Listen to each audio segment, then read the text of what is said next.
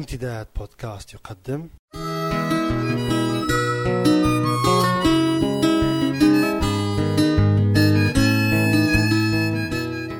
رسالة من لندن. مع جمعة بوكليب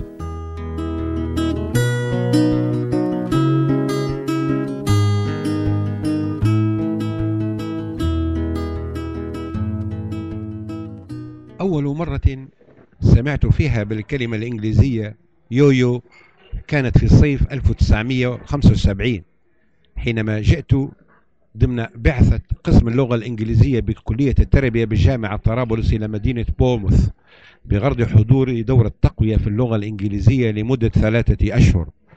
أذكر أننا بمجرد انتهائنا جميعا من إجراءات الدخول الرسمية في مطار لندن هيثرو وخروجنا إلى صالة المطار الخارجية وجدنا مندوبة عن مدرسة اللغة المنظمة للدورة قادتنا إلى خارج المطار.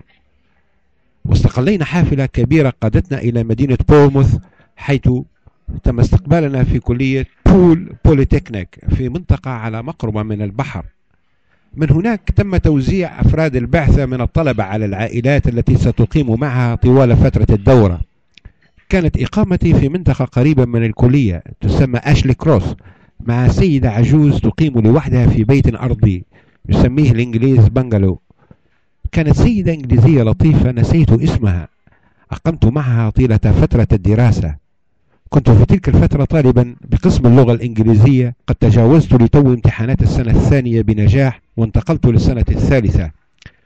الدراسة في الكلية في بول بوليتكنيك كانت على فترتين صباحا حتى يحين موعد الغداء وبعد فترة الغداء التي تستمر لفترة ساعة نعود للدراسة لساعتين أخرتين وينتهي اليوم الدراسي عند الساعة الخامسة.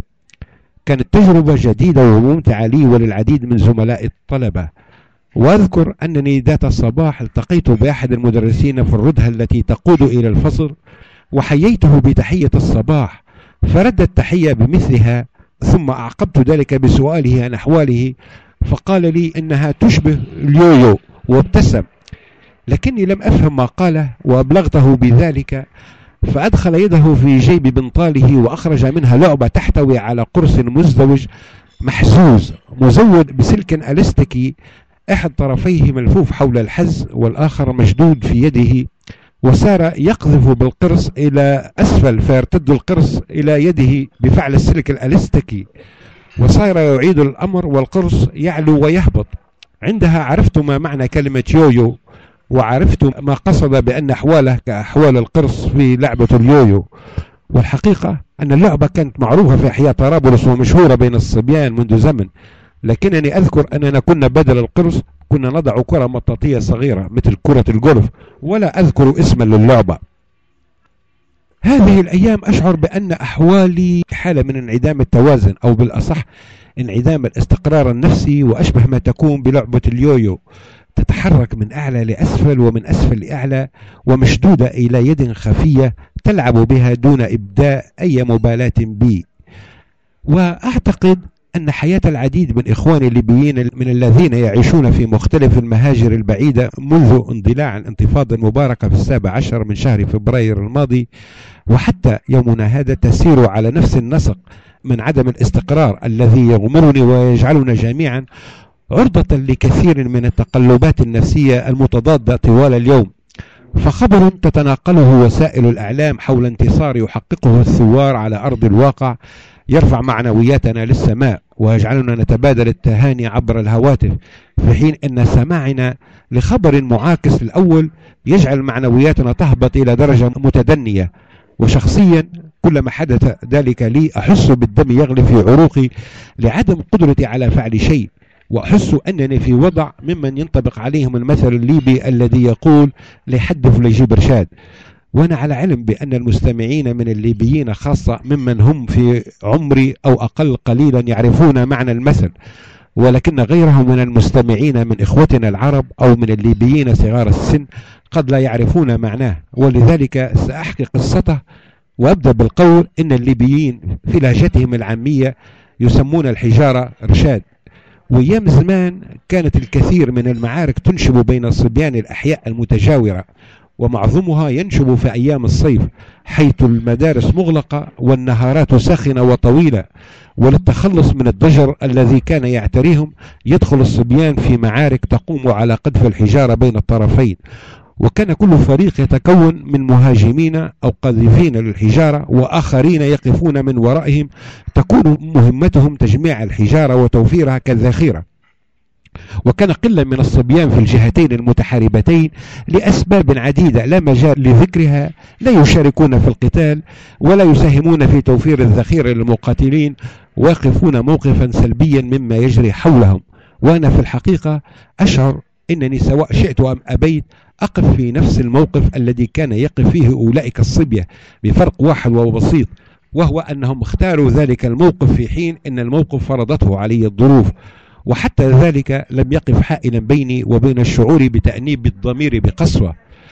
ذلك اليوم كنت أتابع أخبار المعارك في مدينة مصراتة في الفيسبوك وكان أحدهم قد أرسل بشريط فيديو حول رجل في مصراتة كرس كل وقته لمصاحبة الثوار في المعارك حاملا معه مكبر صوت.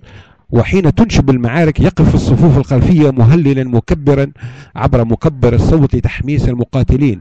وأعترف أنني شعرت بالفخر والغيرة مع ذلك الرجل في نفس الوقت. فمن جهة شعرت بالفخر لأن عامل عدم المشاركة في القتال لم يمنع ذلك الرجل من الانخراط في المعارك بما يقدر عليه وبدلا من الجلوس في البيت اختار أن يكون مع المقاتلين يحمسهم ويرفع معنوياتهم ويحثهم على الصبر والجلد والقتال. ومن جهة أخرى أشعر بالغيرة منه لأني لم يكن في إمكاني فعل ما يفعله. هذه الحالة اليويوية من التذبذب النفسي مرهقة جدا وتأثيراتها سلبية لأنها تصيب المرأة بحالة من العجز أو الشلل المؤقت. وتدخله في حالة من تأنيب الضمير حد الاختناق لفشله في أن يكون قطرة في بحر الثورة العظيم. الثورة التي ظل أمثالي وأقراني وأندادي منذ أن أمتلكوا الوعي يحلمون بها ويتغنون بها ويكتبون لها الأناشيد والقصائد. ثم حين فجأة حدثت وجدوا أنفسهم محرومين بسبب ابتعاد المسافات من المشاركة فيها.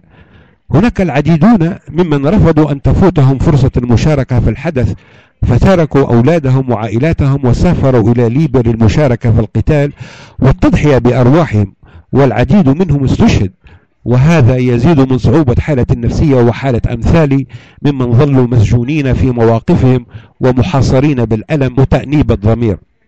الثوار في ليبيا هذه الأيام يصنعون بدمائهم الحياة إنهم يواجهون بصدورهم العارية الرصاص الحي وصواريخ الرجمات وقنابل المدفعية والدبابات فطوبى لهم برجولتهم وشجاعتهم وتصميمهم وعزمهم وطوبى لنا بهم وطوبى لكل من قدم حياته بطواعية في سبيل إنهاء حكم الطغيان والاستبداد من أجل العيش بكرامة. لذلك أود أن أصرخ بملء صوتي تحية للثائرين تحية لكل من سار في الدرب الذي يحول الحلم حقيقة مسترشدا بالإيمان والأمل ومستضيئا بحقه في العيش الكريم في وطن كريم. تحية لمن كسر حاجز الخوف وقرر رفض رغيف المذلة والمجد لكل من قال لا للطغيان في وجه من قالوا نعم. وحتى نلتقي مجددا لنردد معا مع الشاعر التركي العظيم ناظم حكمة لأجمل الأيام ما لم نعشها بعد. Gather round people wherever you roam and admit that the waters around you have grown and accept it that soon you'll be drenched to the bone. If your time to you is worth saving, then you better start swimming or you'll sink like a stone. Or the times they are a changing.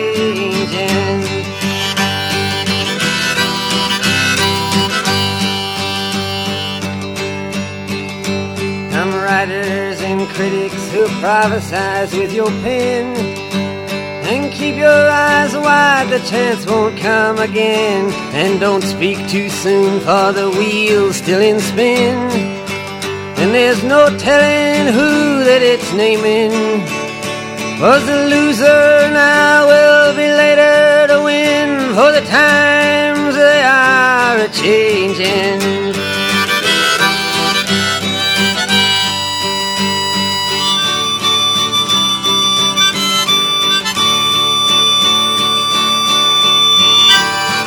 Senators, congressmen, please heed the call. Don't stand in the doorway, don't block up the hall, or he that gets hurt will be he who has stalled. The battle outside raging will soon shake your windows and rattle your walls, for the times they are a changing.